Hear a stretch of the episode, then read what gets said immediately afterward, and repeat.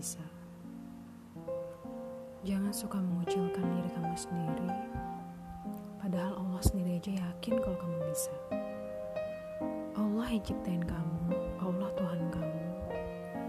Allah kasih semua rintangan dan semua cobaan ini karena Allah yakin bahwa kamu bisa lewatin itu semua dan menghadapi itu semua dengan baik.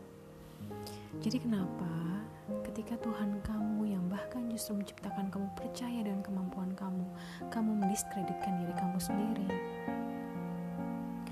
Kalau kamu memang belum percaya dengan diri kamu, setidaknya percayalah pada Allah. Karena Allah pun percaya sama kamu. Ketika kamu sudah percaya dengan Allah, yang di mana Allah percaya sama kamu,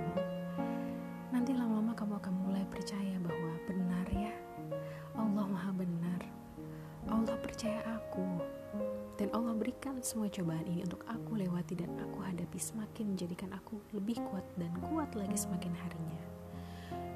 Maka, mulai detik ini, aku harus percaya dia.